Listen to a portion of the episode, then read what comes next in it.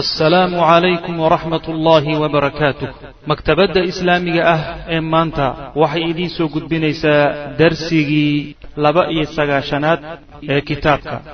Riwaayaadka ku soo arooray duulaankaas iyo dagaalkaas way iskhilaaftay kaiiran in fara badan bay isku khilaaftay yacni waxyaalo badan bay isku garamarsan tahay fii shay bay isku garamarsan tahay riwaayaadkaas aala ilayhi uu ku dhammaaday amru hadihi lmacrakati dagaalka arrinkiisu wuxuu ku dhammaaday akhiiran markii ugu dambeysay. Markii ugu dambeysay dagaalka saa u dhacay muxuu ku gebagaboobay oo ku dhammaaday yay riwaayaadku isku khilaafsan yihiin qolba waxba sheeg. Wayadharu waxaa muuqda buu leeyahay oo inoo soo baxaya bacda annadari markaan arrinta fiirino kadib markii aan aada u fiirino fii jamiici riwaayaat riwaayadaha ku soo arooray oo dhan markaan si fiican u daraasaynoon u fiirino ayaa waxaa inooga soo baxaya ana khaalid bna alwaliid khaalid waliid ninkii la jiray najaxa inuu ku guulaystay fi sumuudi adkaysi. Amaama jeyshi romaan ciidamadii ruum hortooda inuu istaago oo ismutaxo oo la mari waayo duula nahaari maalintii oo dhan. Maalintii oo dhan buu horta hortaagnaa oo la dagaalamayay taa wuu ku guulaystay fii awali yowmin maalinkii ugu horreeyey oo min alqitaali dagaalka ka mid. Dagaalka maalintii ugu horreysayba khaalid uu calanka qaadayba waxa weeyaan waa la mari waayo.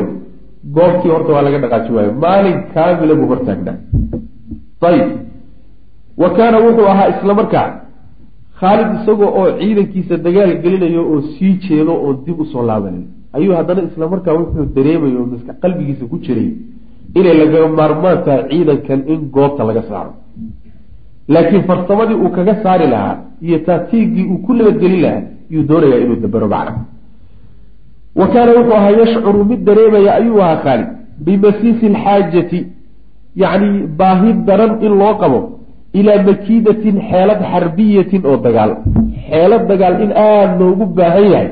Khaalid markaa waa dareemaya. Uu nimanka hortaagay xeeladaasoo tulqi rida alrucba argagaxa fii quluubi ruumaan nimanka reer ruum ciidankooda argagax qalbigooda ku rid.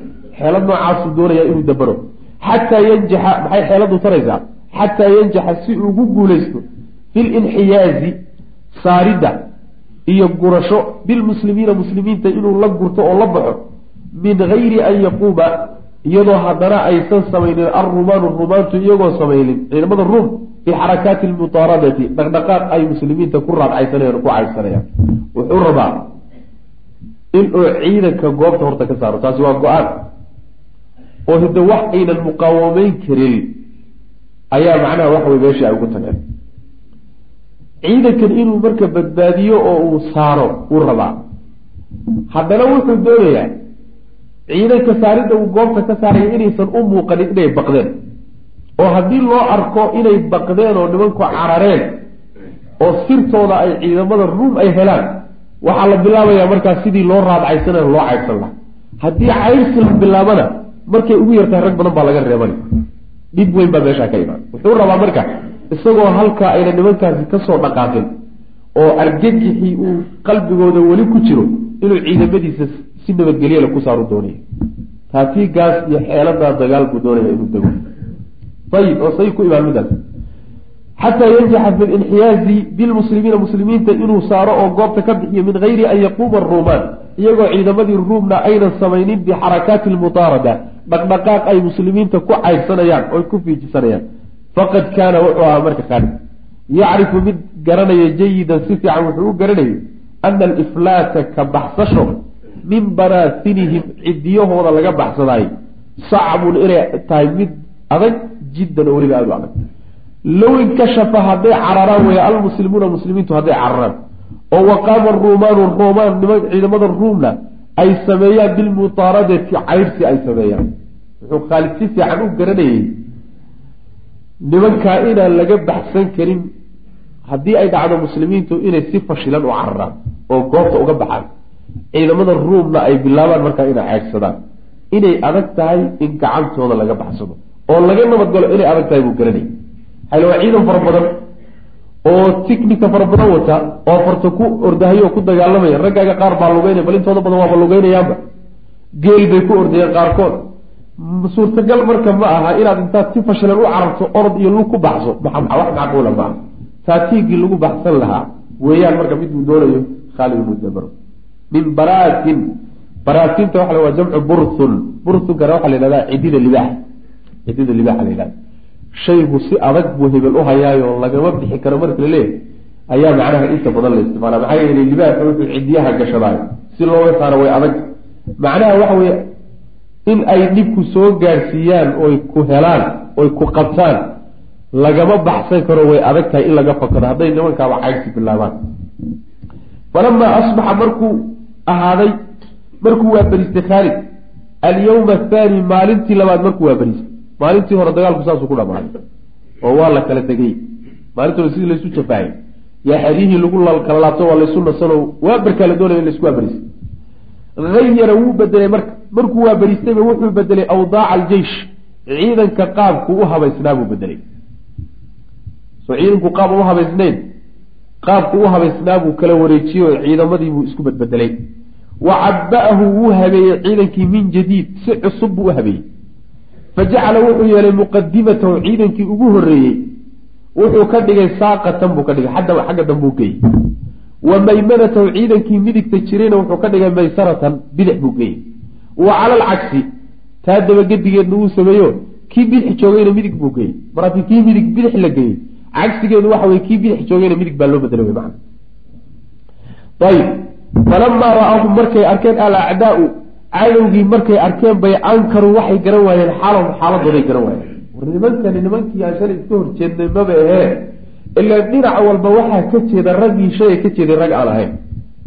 Ciidamaduna maalin dhan baa laystafahayo wejiyada lays arag oo laysbaray oo macnaha waxa wey ma kala qarsoona. Xagga midigta waxaa ka muuqda ciidankii shalay mid aan ahayn. Bidixdana kii shalay midaan ahayn wey. Ciidanka hormuudkae horta joogana kii shalay ma aha ka qalbiga gudaha ku jira kii shalay maaha. Kulli kii shalay maaha. Wuu isu bedbedelay way yaabeen marka way garan waayeen. War arrintu xaggee wax iska bedeleen. Wa qaaluu waxay yidhahen marka jaa-ahum waxaa u yimid madadun war nimanka gurmad baa u yimid. Waxaa wejiyadan cusubi suurtagal ma ah nimanka gadaatan waa niman gurmad u yimid xalay baa lagu soo biiray. Saan moodeyna marka. Fa rucibuu waa la argagixiyey. Mar haddii nimanku iyagoo saddex kun oo nina maalin dhan aynu macnaha waxa weeyaan biyo ka cabi weynay oo waxba ka qaadi weynay ayagii gurmad u yimid maxaad moodaa marka rucbi iyo argagax baa ku dhaca ciidamadii ruum wa saara wuxuu ahaaday khaalidun khaalid. Bacda an taraa aljayshaani labadii ciidan markay is arkeen kadib oo watanaawashaa ay isku tuurtuureen saacatan wakti gaaban ay wax isku tuurtuurayeen ayuu khaalid wuxuu noqday yata-aharu mid guranaya. Bilmuslimiina muslimiinta ayuu la guranayaa qaliilan qaliilan waxyar waxyar ciidamadu si tartiib tartiib ah dibdib ha ugu baxeen bu si habaysan oo qorshaysan. Maca xifdi nadaami jeyshihi ciidankiisii nadaamkiisii iyo qaabku u habaysnaa isagoo ilaashanahayo ciidanku isku dhex daadanay. Ciidankoo habaysan oo nin walba goobtiisa ka dagaalamayo oon isku dhex darmanin waa in tartiib tartiib gadaal loogu baxa bui macnaha ciidankaa isqaybinayo ciidan walbo meel joogaaba laba qaybood buu isu qaybino qaybna dagaalkay wadaysaa qaybna dib bay u guranaysa.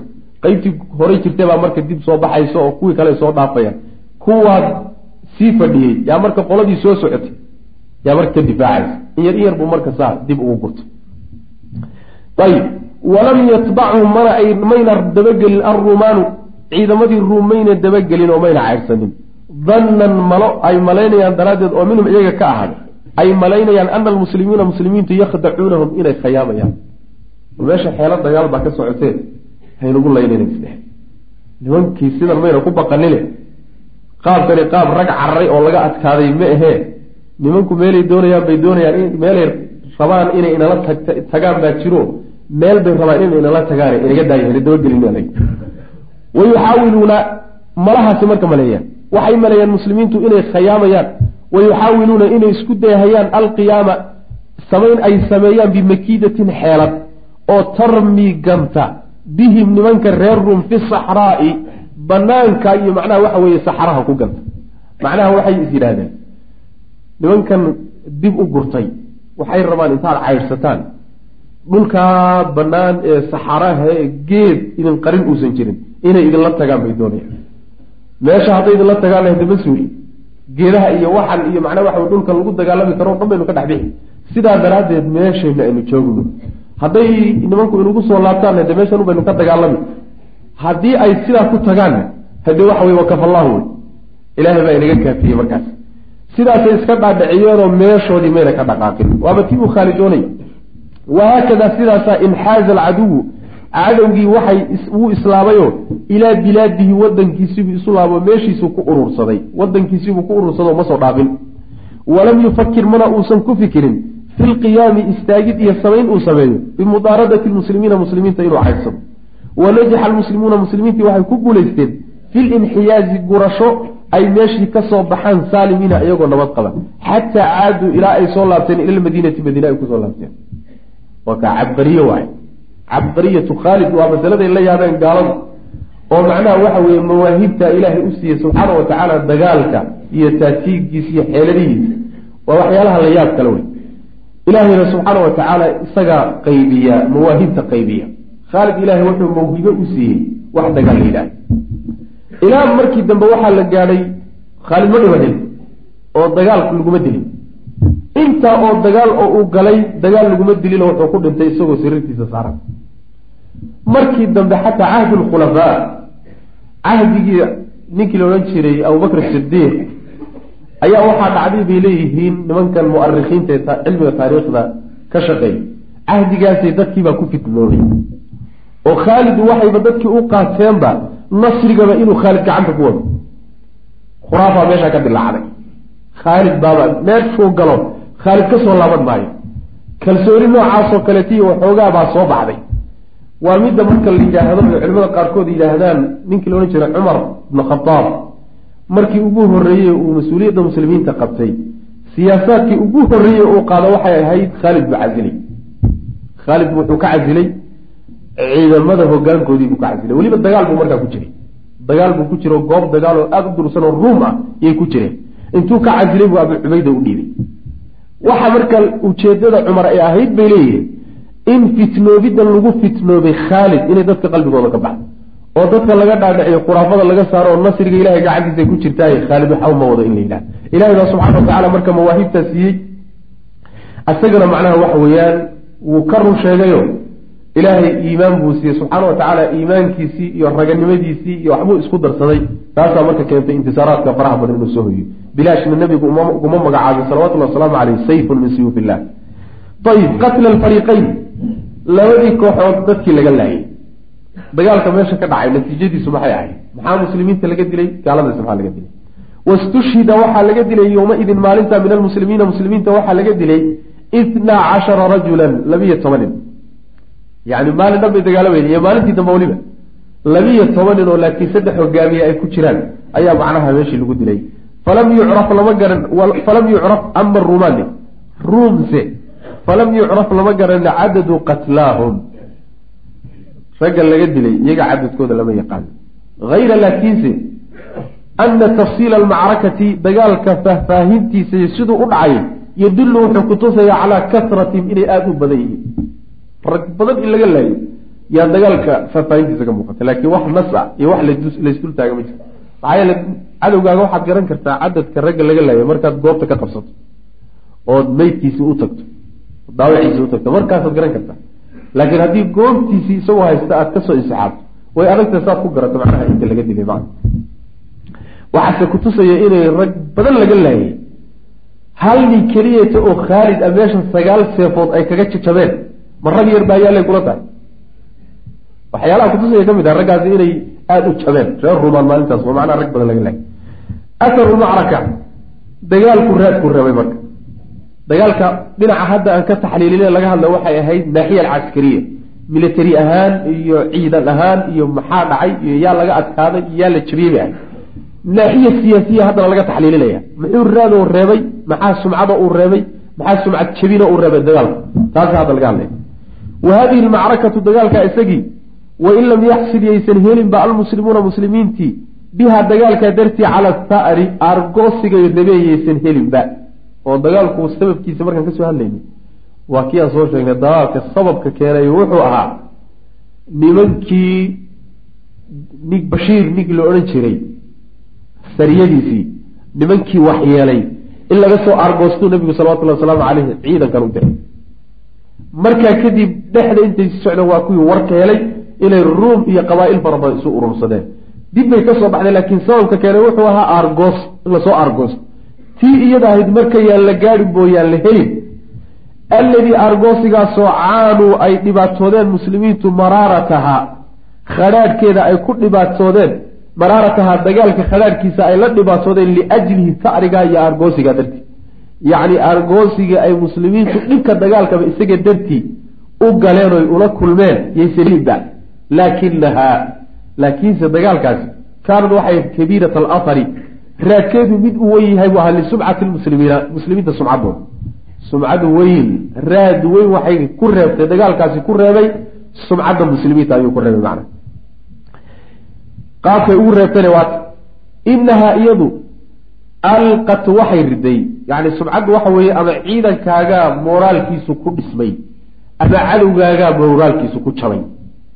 Siyaasiyan dhankaa wey ayib inahaa dagaalkaasi alqad waxay riday alcaraba carab waxay ku riday kullahaa dhammaanteed fi dahshati yacni ama kaag walxiirati iyo wareer carab oo dhan carab markay maqashay maxamed dowladdii ruom ayuu intuu aaday oo weliba saddex kun oo wiil keliya u diray oo laba boqol oo kun ay ruum kaga hor timid ooy dagaalameen ayaa haddana maxamed waxba laga qaadi waayey reebaadihii carbeed maxaad u malanaysa argagaxa ku dhici iyo rucbiga ku dhici iyo dib dambe inay maxamed ula dagaalama miyay kula tahay.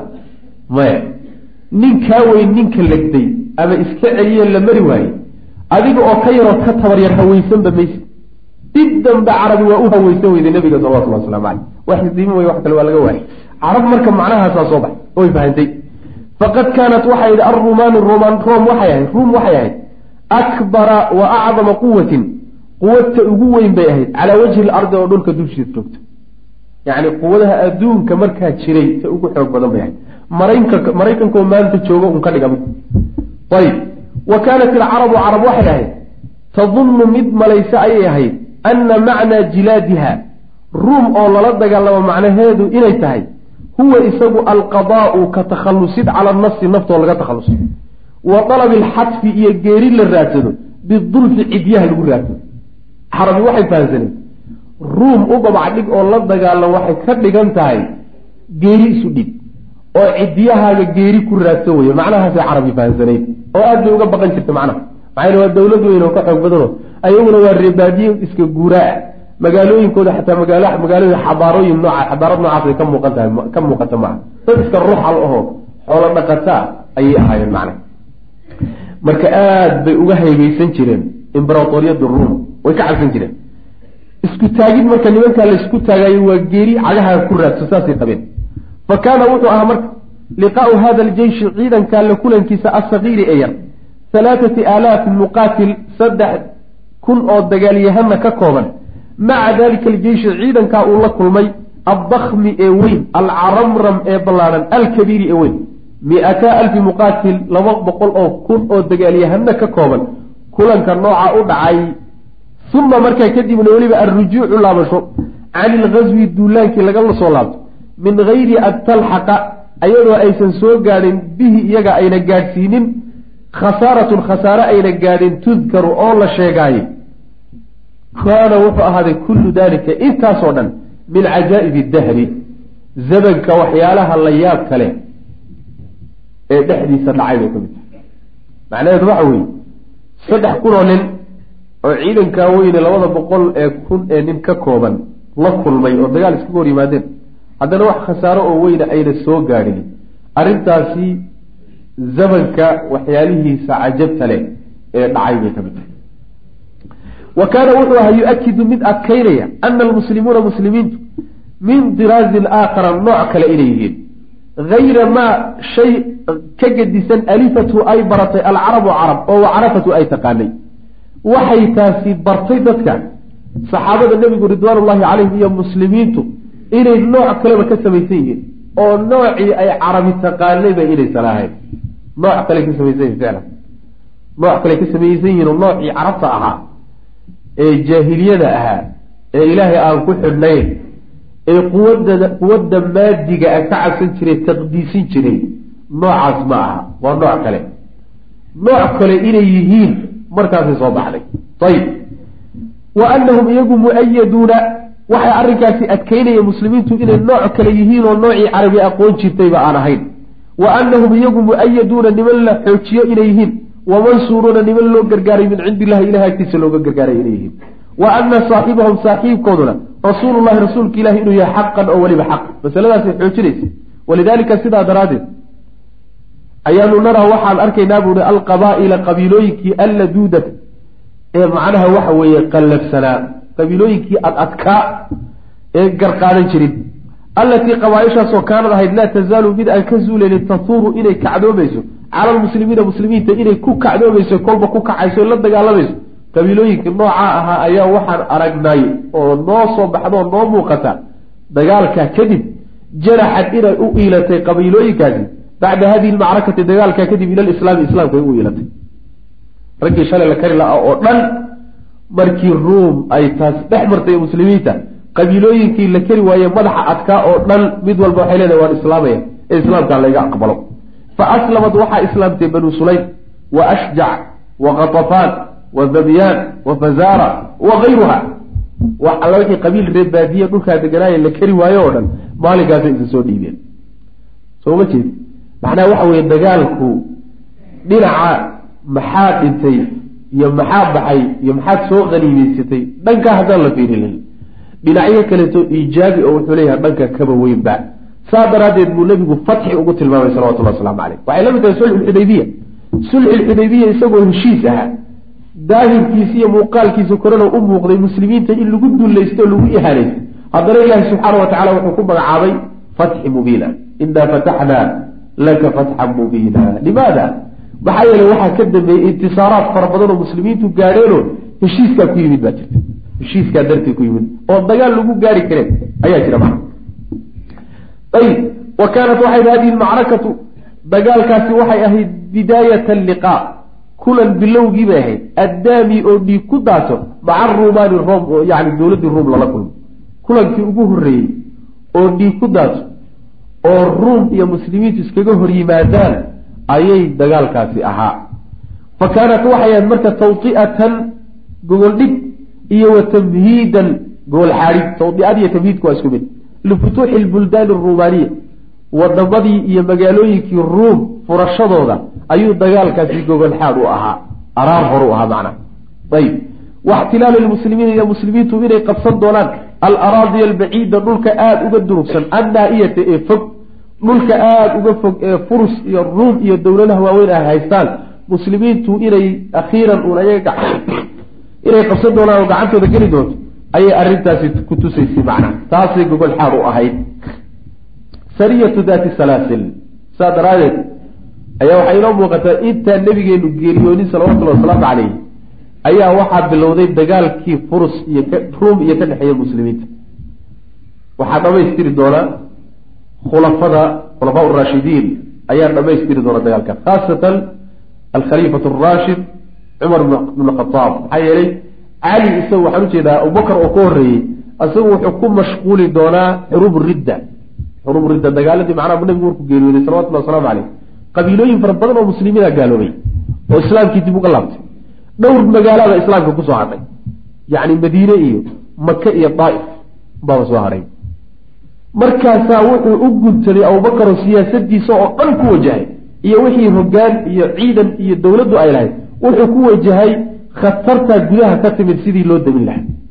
Waa kii marka khilaafku isagiiyo cumar markii hore mari hor dhex mari jiray kadibna saxaabadu isku ijmaacday wuxuu marka ku mashquulsanaa noloshiisa oo dhan sidii nimankaasi macnaha loo qabcin lahaa kadib isagoo gudihii oo dhan habeeyey oo muslimiintii hal mid ka dhigay oo wax alla wixii kacdo ma ahaa damiyey ayuu cumar marka hogaanka qabtay. Dibaddu marka ku bilaabay isaguna isaguna gudahay ahayd cumarna dibadday ahayd. Saasa hawsha loo qaybsa ayib sariyatu daati salaasil sariyadii meesha daatu salaasil la yidhaahdo loo diray. Walamaa calima markuu ogaaday rasul lahi sal lay waslam haddii meeshaasi wax ka dhaceen oo nebigu uu mari waayey salawatullahi wasalaamu caleyh oo derbi adag ka hor yimid ma aha inuu sidaa nebigu kaga hadhayo salawatullahi wasalaamu caleyh laabudda waa derbigaa inuu jiidho inuu maro. Xeeladii uu ku mari lahaa buu marka nebigu dabaraya salawatullahi waslamu caleyh ruum baa kaa xoog badan oo kaa awood badan oo tabar uma haysid oo ragganaad wadataa oo tabartaadaa noocaasaho bal iska naso nebigu ma odhanaya salawatullah waslamu caleyh markaba wuxuu bilaabayaa arrintaa markii laga soo laabto xeeladii lagu kala furfuri lahaa ciidamadan faraha badan oo ruum lagaga reebi lahaa qabiilooyinkan carabta ee faraha badan ee ku biiray ee la dagaalamaya kuwaasuu doonayaa inuu ka reebo. Baalasha inuu iyar iyar uga jaro uga jaro uga jaro isagiyo ruum markaa isku soo hadhaan. Derbiga marka haddaad mari weydo caqabada aad ka gudboodo waa laga wareegsadaa. Xeeladaa la maraa oo waa laga laalaabtaaye lama cararoo lama laabto waa sida macnaha waxa weye dicaaful iimaanka dadka iimaankooda uu daciif yahay. Caqaba markii kaa hor timaado dib baa loo carari. Mabdi-ii dhannaa iyo fikraddii iyo barnaamijkii dhannaa in laga baxaa laga yaabo. Saa lama doonaya waxaa la doonayaa inaad haddana dabarto xeeladaad kaga wareegsan lahayd caqabadaa kugu timid oo aada uga gudbi lahayd macna. Saasaa la doonaya casiimadu inay noqoto. Walamaa calima markuu ogaaday rasul lah sal lay sl nabigu markuu ogaaday bimawqifi alqaba'il alcarabiya. Qabiilooyinkii carbeed meeshay istaageen markuu nebigu ogaaday allatii qabiilooyinkaasoo taqtunu degaysay mashaarifa shaam shaam macnaha mashaarifteeda mashaarifa shaam waa dhulka shaam xiga shaam dhulkeeda xijaaz soo xigaa mashaarifu shaam magacaa la yidhahda shaam dhulka ka agdhow iyo eriyada agagaarkeeda ah qabiilooyinkii carbeed ee degi jiray ayuu nebigu wuxuu ogaaday mawqifkooda fii macrakati mu'ta dagaalkii mu'to mawqifkooda ku ogaaday oo waa kuwii ruum la saftay min ijtimaacihim ayuu ogaaday la kulankooda. Mawqifkaasoo min ijtimaacihim ku biiridooda iyo kulanka ay la sameeyeena ila ruumi ruum ay u dulmeen. Dida almuslimiina muslimiintana ay dhanka noqdeen. Qabiilooyinka waxaa soo baxday. Siyaasiyan inay ruum la jiraan. Caskariyanna ay ruum la jiraan. Oo xagga ay ka soo jeedaan buu nabigu ku ogaaday salawatullahi waslamu caleyh shacra nabigu markuu arrintaa ogaaday. Ayuu shacra haddana wuxuu dareemay bimasiisi alxaajati in baahi adag loo qabo. Baahi daran in loo qabo. Ila alqiyaami samayn la sameeyo bixikmatin xikmad baaliqatin oo xeel dheer. Tuuqicu xikmadaasoo ridaysa alfurqata kala jajabid baynaha qabiilooyinka dhexdooda iyo wa bayna aruumaan iyo ruum ku kala dhex ridaysa. Markuu nebigu ogaaday mowqifkooda inuu xagga yahay yuu marka nebigu wuxuu dareemay in loo baahan yahay oo baahi weyn loo qabo in la keeno xikmaddii iyo xeeladii qabiilooyinkan iyo ruum lagu kala jajabin lahaa oo lagu kala goyn lahaa macna. oo qabiilooyinkani markay ugu yar tahay inay noqdaan kuwo ruumna aan la jirin nebigana aan la jirin salawatullah waslamu caleyh haddii kalena xaggiisaba inuu soo mariyo taasuu nabigu ku dadaalay salawatullah waslamu caleyh oo ciidanku marka hore ciidanka isku duuban buu doon inuu kala jajabiyo siyaasiyan wa takuunu waxay markaa noqonaysaa sababan lilitilaaf yacni wa takuuna waxay noqonaysaa xikmaddaas sababan sabab bay noqonaysaa lilitilaafi inay soo dulmaan qabiilooyinkaas.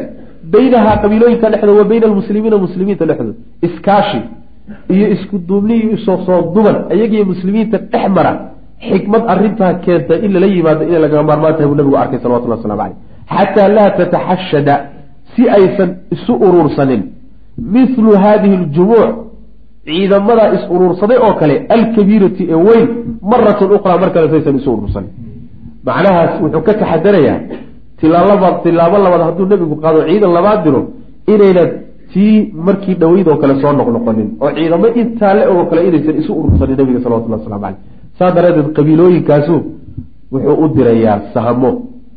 Qaar waxaa loo diraa wafdi. Qaar waxaa loo diraa ciidan yar. Waxaa la doonayaa qabiilooyinka in la soo gooyo loo soo gooyo xagga nebiga salawatullah waslamu aleyh ruumna laga soo jaro.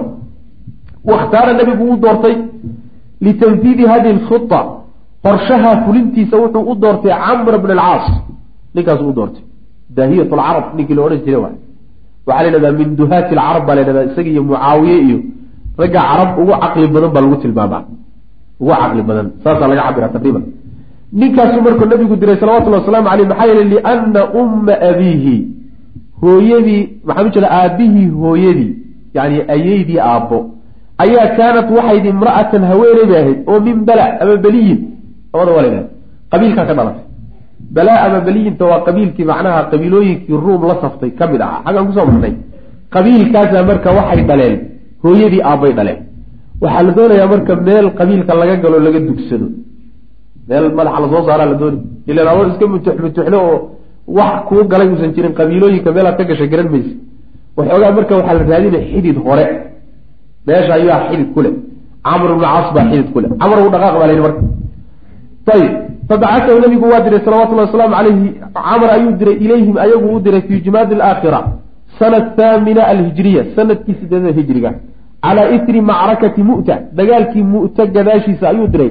Liyasta'lifahum si uu qabiilooyinka u soo dhoweeyo xagga nebiga ugu soo dumo salawatullahi wasalaamu caleyh wa yuqaalu waxaa la yidhaahdaa sababka keenay sariyadan uu nebigu camar u sii dhiibay ayaa laysu khilaafsan yahay qaar waxay leeyihiin sababku wuxuu ahaa in qabiilooyinka uu soo dubu doonayey oo ruum laga soo gooyey. Qaarna sabab kale sheegaan. Wa yuqaalu waxaa la yidhahdaa iyadana la sheegaa. Bal naqalat waxay soo rartay alistikbaaraatu wardoonkii iyo sirdoonkii nebiga waxay soo rareen ana jamcan ciidamo is uruursaday oo min qudaacata qabiilka reer qudaaca ah ayaa qad tajamacuu isu yimid yuriiduuna waxay doonayaan markay isu yimaadeen an yadnuu inay soo dhawaadaan min atraafi lmadiinati madiina sababtu inay ahayd is-uruursi inuu nebigu maqlay oo uu saa ugu diray sidii uu saraayaad badanba ugu diray hadda ka horan soo marnay wa yumkinu waxaa suurtagala buu sheekhu yidhi an yakuuna inay yihiin assababaani labada sababba ijtamacaa kuwa kulmay macan wada jir inay is-uruursino jiray siyaasadan ah qabiilooyinka ha la soo gooyana inuu nebigu watay labaduba inay jireen baa suurtagal ah maxaa diiday wacaqada rasul lah sal lay sl nebigu wuxuu guntay licamr bni caas camr bni caas buu nebigu wuxuu u guntay liwaan calan abyada oo cad wa jacala wuxuu yeelay macahu la jirankiisa raayatan calan yar sawdaa oo madow yacni liwaa haddaad maqasho waa calanka weyn ee ninka ciidanka dhan taliyihiisa uu wataa la yidhahdaa liwaa la yidhahdaa raayadana waxaa la yidhahdaa ciidanku markuu sii qeyb qeybsan yahay ayaa ciidan walba hogaamiyihiisa wuxuu wataa calan wataa saas wey maana wabacatahu nabigu waa diray ninkaa isagaa fi talaamia saddex boqoloo nin buu la diray oo min suraati muhaajiriin muhaajiriina walansaar ansaar iyo muhaajiriin saadaadoodii ah raggoodii macnaha waxa weeyaan maaragtay halista ahaa ayuu nabigu la diray salawatullah waslamu caleyh wa macahum la jirinkooda waxa ah halaatuuna farasan soddon faras wa amarahu nabigu wuxuu amray salawatullahi waslamu caleyh camar waxaa la amray an yastaciina inuu kaalmaysto biman mara cidduu sii maro bihi isaga cid alla cidduu sii maro oo min balay min baliyin ama min balaa qabiilkaas wa cudrata wa balqayn qabaa-isha wax alla wuxuu ka helo inuu sii kaalmaysto oo garabka sii dhigto fa saara wuxuu socday alleyla habeenkao dhan wa kamana nahaara maalintiina wuu isqarinayay habeenkii wuu dusi inta habeenkii uu taagay o dhan wuu soconaya. Maalintiina meel yara gol ah intuu galo iyo meeshaa ku raashin karta iska seexanaya si inaan la ogaanin baa la rabaa. Socdaalkiisan iyo safartiisan inaan si aan looga diyaar garoobin ayb falamaa qaruba markuu dhawaaday min alqawmi meeshii iyo raggii dadku ku socday markuu ka ag dhawaaday ayaa balaqahu waxaa soo gaadhay ana lahum nimankuu ku socday inay leeyihiin jamcan ciidan is urursaday kaiiran oo fara badan ciidamo badan oo is urursaday baa nimankaad ku socoto ayaa leeyihiin oo samaysteen oo jira saasaa lagu yidhi. Fabacata wuxuu diray raafic ibnu makiis aljuhani ayuu ilaa rasuuli lahi sal lay slam nabiga dib ugu soo celiyey yastamiduhu isagoo gurmad ka markii saa loo sheegay cabdullaahi ibnu rawaxa iyo raggiisii sidooda muuse yeelile nin buu dib u soo celiyo markuu warkii maqlay buu nabiga dib nin ugu soo diro wuxuu yihi arrintaasaa jirtay gurmad ha laii soo diro. Fabacata ilayhi wuxuu nabigu u soo diray abaa cubaydata bnu ljarax amiinu hadihi lumma fii micatayni laba boqol oo nin isagoo wata wa caqada lahu liwaaan calanna waa u soo dhiibay. Labadaa boqol oo nin buu calankooda sidaayo uu macnaha waxa weeyaan taliye u yahay wa bacata lahu wuxuu u soo diray nebigu oo uu soo raaciyey abaa cubayda suraata almuhaajiriina muhaajiriinta sayidyadoodii walansaari ansaar iyo muhaajiriin raggii madax iyo sayidye u ahaa saadaaddoodii buu soo raaciyey fiihim ragga waxaa ku dhex jira abubakrin wa cumara saaxiibaa rasuulilah sal lay slam nebigu labadii nin ee uu ka dhexayba ee garbaha ka taagnaa ayuu ku soo daray ayib wa amarahu nebigu wuxuu amray salawatullahi wasalaamu calayh yani abu cubayda wuxuu amray an yalxaqa inuu gaadho bicamrin camar inuu gaadho iyo ciidankiisii ayuu amray. Wa an yakuuna inay ahaadaan labadooda iyo raggay wataanba jamiican kuwa wada jira. Walaa yakhtalifa inaysan iskhilaafin tagoo ciidankii camar ku biir. Markaad isu tagtaanna wada socdo oo ha iskhilaafina. Maxaa yeele khilaafku waa fashal walaa tanaasacuu fatafshaluu watadhaba riixukum. Ciidan iskhilaafoo kala jabay. Meeshaasi jambaa yaalla. Saas weyaan falamaa laxiqa bihi. Markii uu gaadhay abu cubayda oo camar uu u tegay iyo ciidankiisii ayaa araada wuxuu doonay abu cubayda ayaa wuxuu doonay an yaumma annaasa dadka inuu imaam u noqdo. Wuxuu damcay inuu dadka tujiyo. Macnaha waxa weeye ninka dadka tujinayaa isagaa hogaamiyaha ah. Waxaan hadda diinta iyo dowladda la kala saaray ma jirin. Muslimiinta waxaa tujin jira oo imaam ahaan jiray madaxweynaha. Cahdigii nabiga salawatullhi waslamu aleyh manina isagaa baa dadku tujin jiray cahdigiis ka dambeeyey abubakar baa dadku tujin jiray markuu meesha qabtay. Cumar baa dadku tujin jiray. Cusmaan baa ku xigay. Cali baa ku xigay. Saas waay. Mas'uuliyadda sare ee dowladda iyo midda masaajidku way iswadaa maxaa yeelay diintii iyo dowladdii baaba isku mid ah. Laakiin markii calmaaniya nagu soo baxday oo dabayshu xagga yurub inagaga timi oo kaniisad iyo raggii reer yurub wixii dhex maray laynooga dhigay wax mabda oo sax ah oo la yidhi diintuna waxay leedahay masaajidka dowladduna xafiis bay leedahay meel la yidhaahdo markaasaa waxay dhacday madaxweynihii iyo dowladdiiba inaysan inay masaajid tujiyaan dad iska badaayay salaadba inaysan qoob ka dhiginba. Foodaba inaysan dhigin. Taasay markaasi soo baxday macna. Marka abu cubayda markuu meesha tegey ayuu dadkii hormaray oo isagaa markaa hogaamiyahaan isu haysta. Nebiguna nasan uma soo odhanin abu cubaydow markaa tagto camar baa mas'uul kuu ah. Adiga mas'uul baa lagu yahay labada nin ninba ciidan ciidan baa mas'uul looga soo dhigay. Markii laysu yimid koodee baa madaxa marka koodee laga amar qaadan. Abu cubayda marka xoogaa is yidhi amad adigu meesha mas'uulka tahayo raggii hormaray suu salaadda u tujiyo fa qaala camrun camar baa wuxuu yidhi inamaa qadimta calaya warniyahu waad ii timid madadan adoo gurmad ah. Wa ana aniga unbana alamiiru meesha madax ka maxaa ku geeyay meesha. Yani waxa weeye adigu gurmad la soo unbaad ahay. Raggii kaa horreeyey u tago ku biir unbaa lagu yidhi hogaankii anaa wata. Anaad igu soo biirtay saas wey fa ataacahu meesha isjiidjiidad ma jirteen. fa ataacahu wuu yeelay abu cubayda. Dhibbe ma joogee bal camaru ina tuji ciidankana hogaami meesha wax la isku qabsado meh. Ilaan waxa weeye mas'uuliyaddu sideeduba waa dhib oo dheef ma ah. Takliif weeye tashriif ma ah. Marka islaamka aragtidiisa la yidhahdo waa takliif. In laga cararo mudan. Saa daraaddeed abu cubaydaan hadda aada moodeysaan inuu kursi doon yahay. Markii yani intuu cumar ka casilay yani khaalid ciidamada intuu ka casilay isaga u dhiibay uu diiday. Ya allah baa lagu ogoleysiyey markii dambe. Si adag yaa lagu ogoleysiyey xataa markuu ogolaaday wuxuu yidhi aniga ha igu magacawnaato laakiin khaalidow la wareeg wixii dagaalgelin ah. Wixii dagaalgelin ah la wareeg. Marka ma aha raggu rag macnaha ku hardamaya kursi iyo mas'uuliyad iyo xil ku hardamaya ma aha. Sidee noo kaleto macnaha? Inaga iska badaaya ciidamo la hogaaliyo dowlad loo taliyo masaajidka mixraabkiisaasaa lagu hardami maalintaasoo dhan aada moodeysaa inay munaafacaad yaalaan macnaha fa kaana camrun wuxuu ahaa camar wuxuu ahaa yusallii mid tujiya binnaasi. Camar baa marka dadka muslimiinta tujinayay wa saara waa socday camar. Xataa watica ilaa uu isku taagay bilaada qudaaca. Qudaaca qabiilkii la odhan jiray waddankooda ilaa uu tegay oo isku taagay. Fadawakahaa markaasuu qabsaday. Dawaka la yidhahdaa dawaka albilaada ida istawlaa calayha. Waddanka markuu qabsadaa la yidhahdaa dawaka macnaha wuu qabsaday xataa ataa ilaa uu yimid aqsaa bilaadihim waddankay degi jireen meeshii ugu fogeyd ilaa uu gaadhay iyuu dhex tamashleeyey. Wa laqiya wuxuu la kulmay fii aakhiri dalika arrinkaa aakhirkiisa wuxuu la kulmay jamcan ciidamo fara badan buyuu ku yimid si u wareegahay oo waddankooda kolba dhinac ugu dhex mushaaxahay oo wax yac yidhaahda uu waayay iyuu markii dambe ciidamo is uruursaday oo kuwoodu ku soo baxay.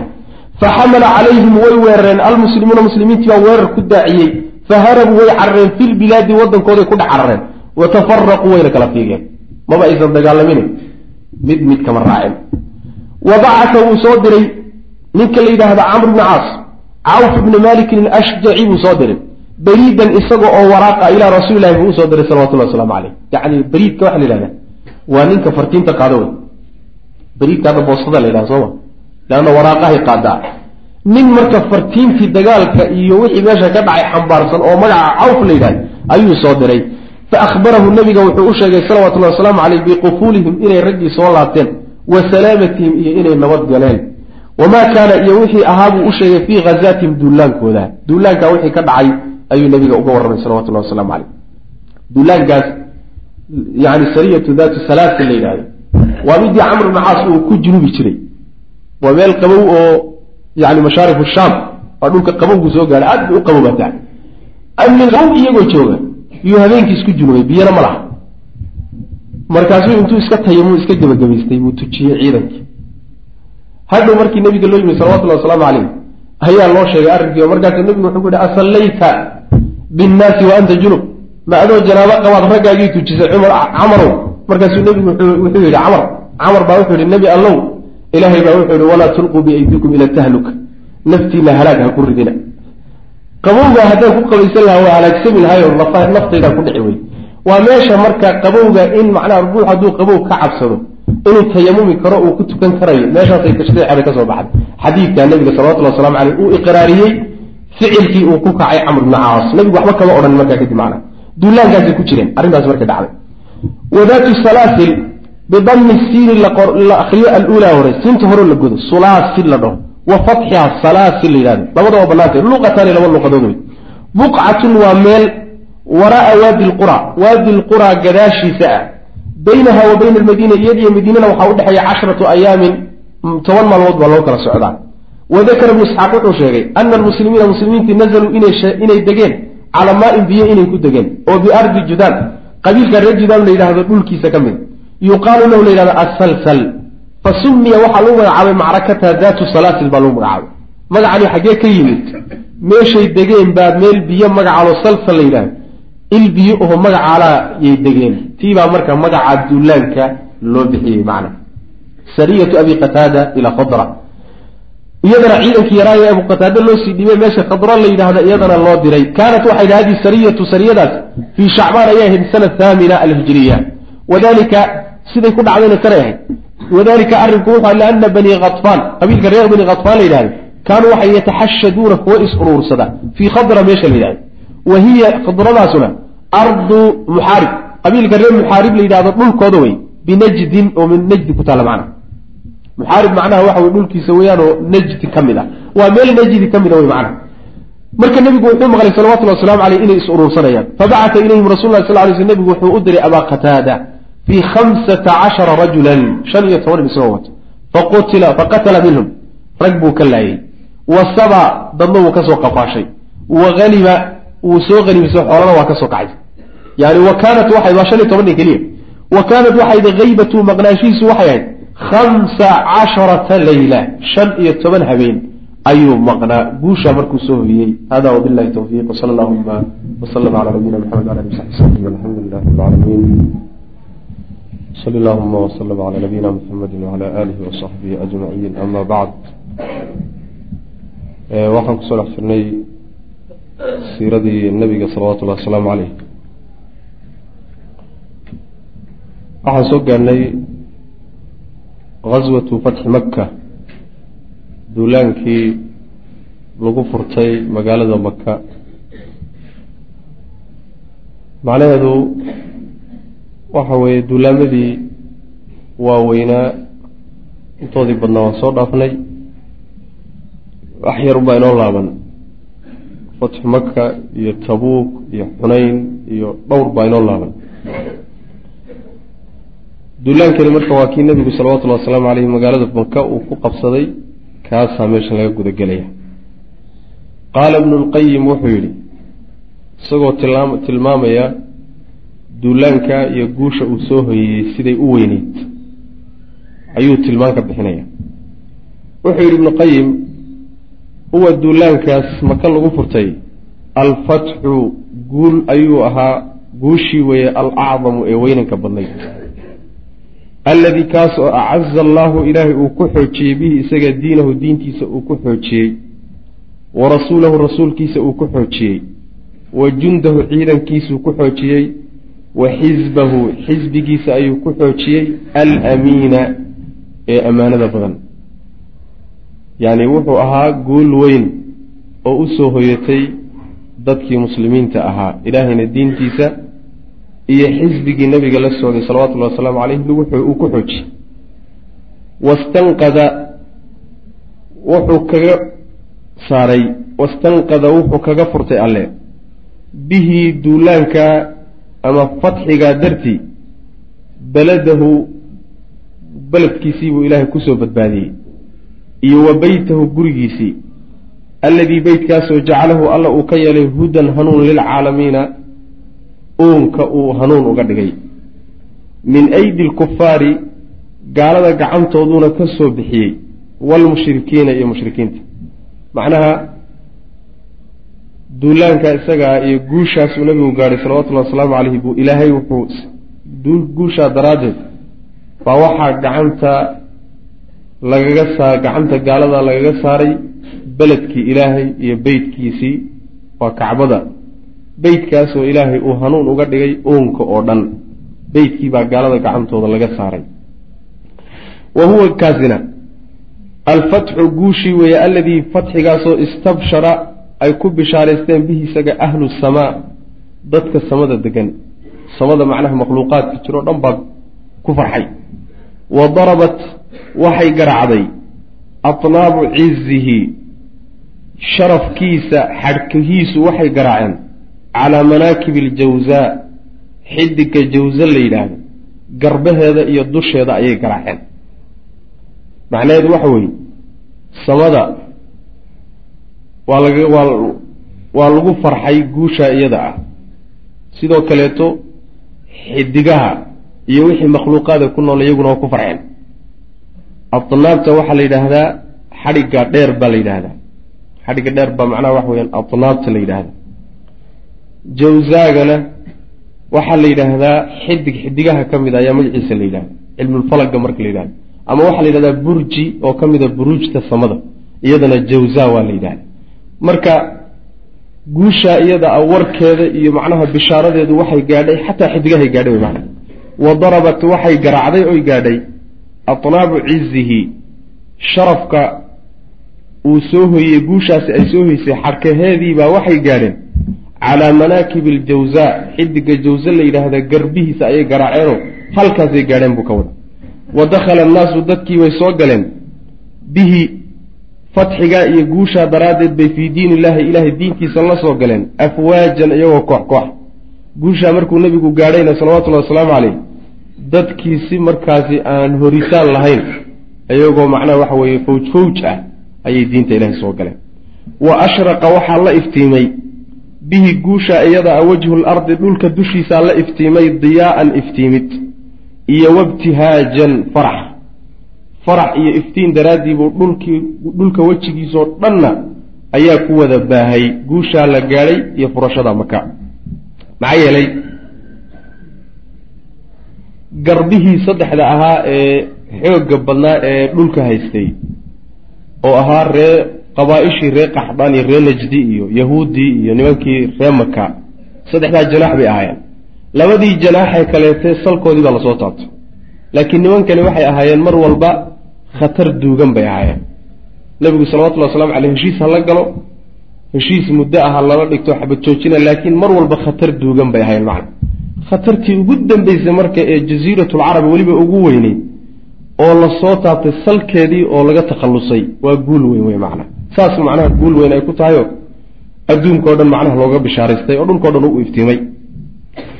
Sababu lghaswati duulaanka muxuu aha sababkii keenay ilan waa inagii ogeynoo nebiga salawatullahi wasalaamu caleyhi iyo nimanka magaalada deganaa ee ree maka ee nebigu ka dhashay salawatullahi wasalaamu caleyh heshiis baa ka dhexeeyey. Haddana nebigu waa ku duulay salawatullahi wasalaamu caleyh say wax u jiraan marka. Maxaa yahay sababka keenay in lagu duulo? Qadamnaa waxaan soo hormarinay fii waqcati alxudaybiya dhacdadii xudaybiya markaan soo maraynay waxaan soo hormarinay anna bandan qodob oo min bunuudi hadihi almucaahada oo heshiiska qodobadiisa ka midii yufiidu inuu faa'iideynaya ayaan soo sheegnay. Anna man axabba ciddii jeclaata an yadkhula inuu galo fii caqdi muxammadin sala allahu alay wasalam muxamed macnaha guntigiisa iyo wa cahdii ballankiisa qabiilkii ciddii doonta inay gasho dakhala fiihi waa geli karaa. Waman axabba ciddii jeclaata an yadkhula inuu galo fii caqdi qurayshin quraysh waxay guntatay wa cahdin iyo ballankooda ninkii doonay inuu wax la dhigto oo la wadaagana dakhala fiihi waa geli karaa.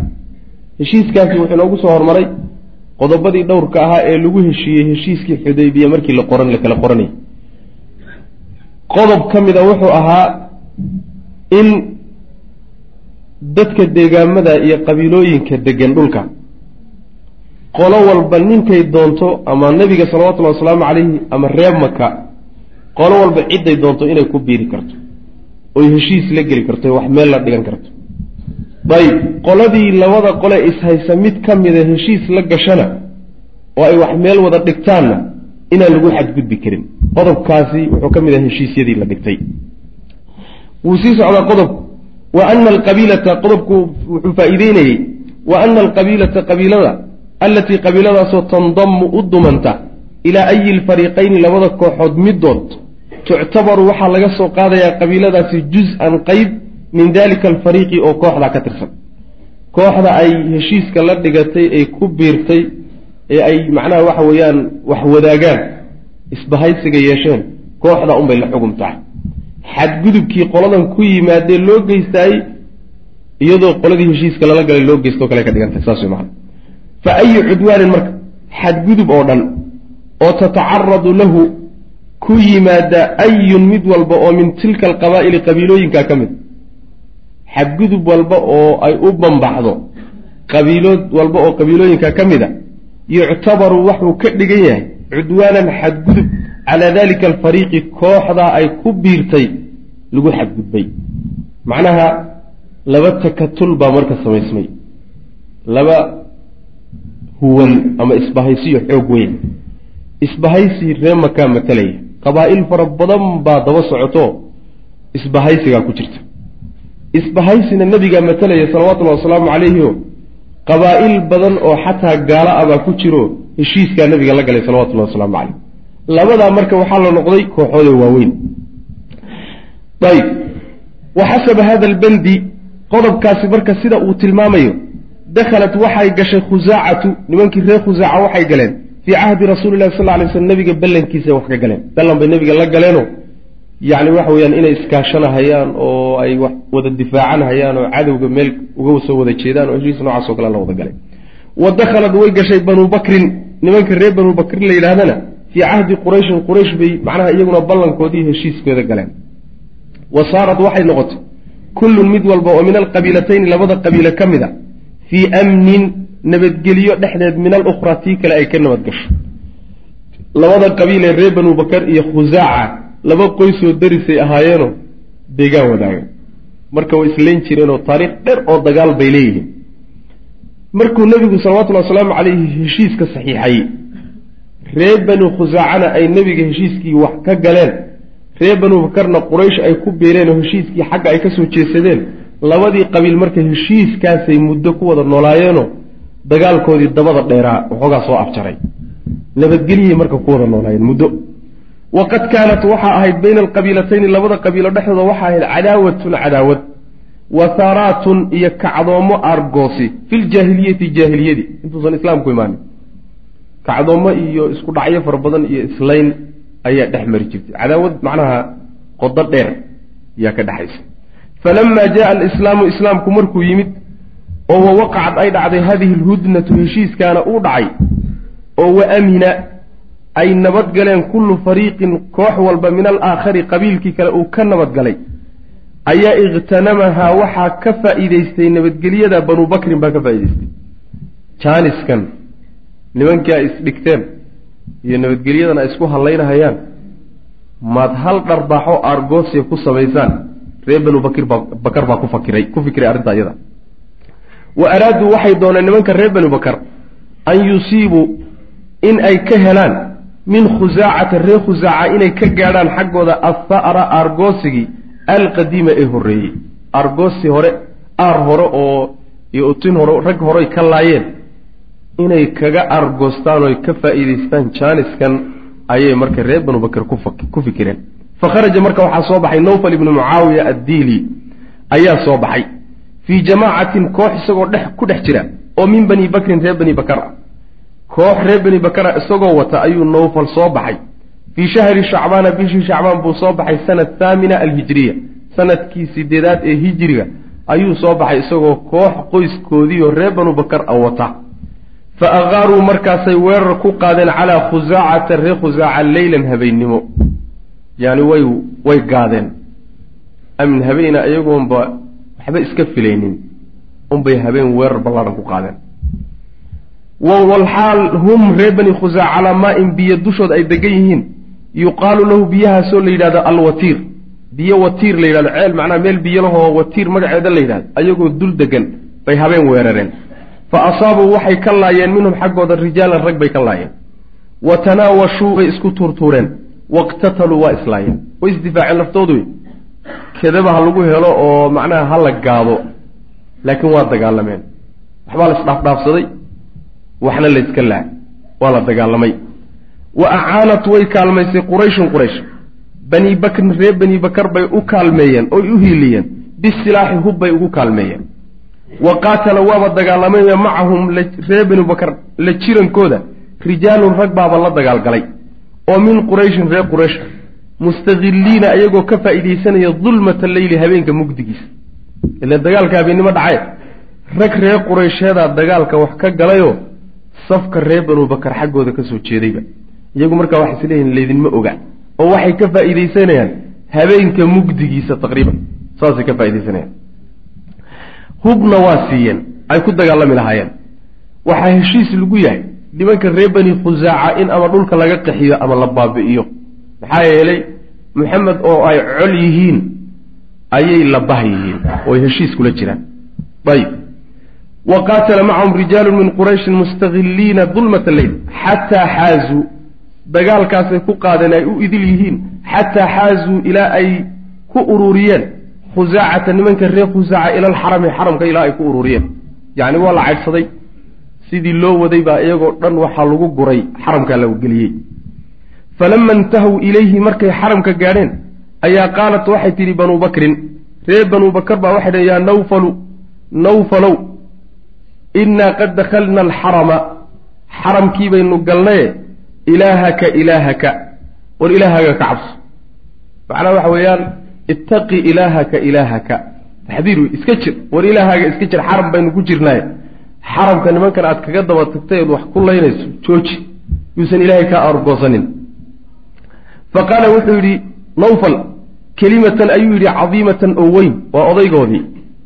Laa ilaaha alyawma yaa bani bakrin buuri asiibuu ha'rakum falacamrii inakum latasriquuna fi lxaram afalaa tusiibuuna ha'rakum fiih. Saasuu ku yidhi. Wuxuu yidhi laa ilaaha wax ilaaha alyawma maanta ma jira yaa bani bakarow war reer banu bakarow maanta wax ilah layaa dhinac inaga dhiga ilaahan marka horeba inagaa wadanoo jeebka ku wadanay dhinac inaga dhiga. Intaynu aar goosanayno ragga si fiican aynuga adkaanayno meel haynoo sii yaallo. Bal inaga daayay dheh wuxuu yidhi marka asiibuu ha'rakum aar goosta oo raggii laydinka laayay dhiiggiisii soo dhacsada ilaahay waxaan ku dhaartay noloshaydaan ku dhaartay buu yidhi. Inakum latasriquuna waad xadaysaan buu yidhi fi lxarami xaramkaad wax ku xadaan bu ee afalaa tusiibuuna maad goosataan? Ha'rakum aarkiina fiihi dhexdiisa maad ku goosataan waabad ku xadaanoo xoolaha dadkaabaad xaramka dhexdiisa ku xataane. Xatooyo iyo aargoosi xaramka lagu aargoostay koodee daran. Xatooyadaa ka daran wey. Marba haddaad wax ku xadaanoo tuug tihiin ma aargoosigaa dhib idiin geysanaya. Ragga iska dhiciy oo aargoosta saasuu ku macna. Fa qaala wuxuu yihi kelimatan ayuu yihi cadiimatan oo weyn. Wuxuu yihi laa ilaaha wax ilaaha alyawma maanta ma jiro yaa bani bakr. Yacni ilaahyadaa wax ictibaar weyn agtooda kama aho maalintay waxoogaa ay maslaxadooda iyo dantooda ka hor yimaadaanna way iska tuurayaan. maalintii waxoogaa ay is yidhaahdaan alelahi wax weyn kama hor imaanahayaan. Jeebkay gashanayaanoo waa wadanayaan macna. Maanta wax ilaahoon tixgelinayna ma jira buui dhinac inaga dhiga.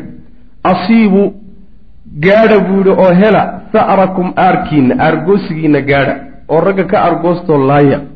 Fala camrii waxaan ku dhaartay cibrigayge inakum idinku latasriquuna waad xadaysaan fi lxarami xaramkaad ku xadaysaan ee afalaa tusiibuuna miyaydaan yani waxa weye helaynin oydaan gaadhaynin sa'rakum aarkiina fiihi dhexdiisa. Aargoosi maad ku aargoosataan waabad ku xadaane xatooyadaasi ka daran haddaad wax ku xadeen ma aargoosigaa dhib idin geysanaya aargoosta buu ragga iska celiy walamaa dakhalat markay gashay khusaacatu makkata maka markay khusaaca gashay ayay laja-uu waxay waxay magan galeen ilaa daari budayl ibni warqaa alkhusaaci waa odayaashii nabiga loo soo diray salawatullahi wasalaamu caleyh haddaad xusantiin sulxulxudaybiya raggii u imaan jiray buu ka mid ahaa. Waana reer bani khusaaca waaye. Raggan dabada laga wado odayaashooduu ka mid yahay. Isagoo marka qoyskiisii oo la wadiyo reerkii oo carar ahay ayaa daartiisii ku soo daatay. Wa ilaa daari mawlan lahum iyo nin ay xoreeyeen ayagu reer khusaacuhu daartiisiina way galeen. Yuqaalu lahu ninkaasoo la yidhahdo raafic la dhaho daartii budayl iyo nin ay xoreeyeen oo isagana raafic la yidhahda daartiisa labadaa daarood bay macnaha isku daadiyeen oo galeen. Wa asraca markiiba waxaa soo degdegay camr bnu salim alkhusaaci ayaa markiiba si deg deg ah intuu sahaydiisa u soo qaato ratigiisa soo kooraystay. Yuu magaalada madiine iyo nebiga soo aaday salawatullhi wasalaamu caleyh fakharaja wuu soo baxay xataa qadima ilaa uu u yimid calaa rasuli lah sal ly sl nebiga ilaa uu u soo galay almadiinata madiine uu ugu yimid ilaa uu magaalada madiine soo gaadhay ayuu soo socday fa waqafa calayhi markaasuu nebiga isdul taagay wa huwa nebigoo jaalisun fadhiya fi lmasjidi masaajidka dhexdiisa bayna dahraaniya annaas dadka dhexdooda isagoo nebigu walaalayaal darsigaani halkaas ayuu ku eg yahay allah tabaaraka wa tacaala waxaan ka baryaynaa inuu nagu anfaco. Assalaamu calaykum waraxmat ullaahi wbarakaatu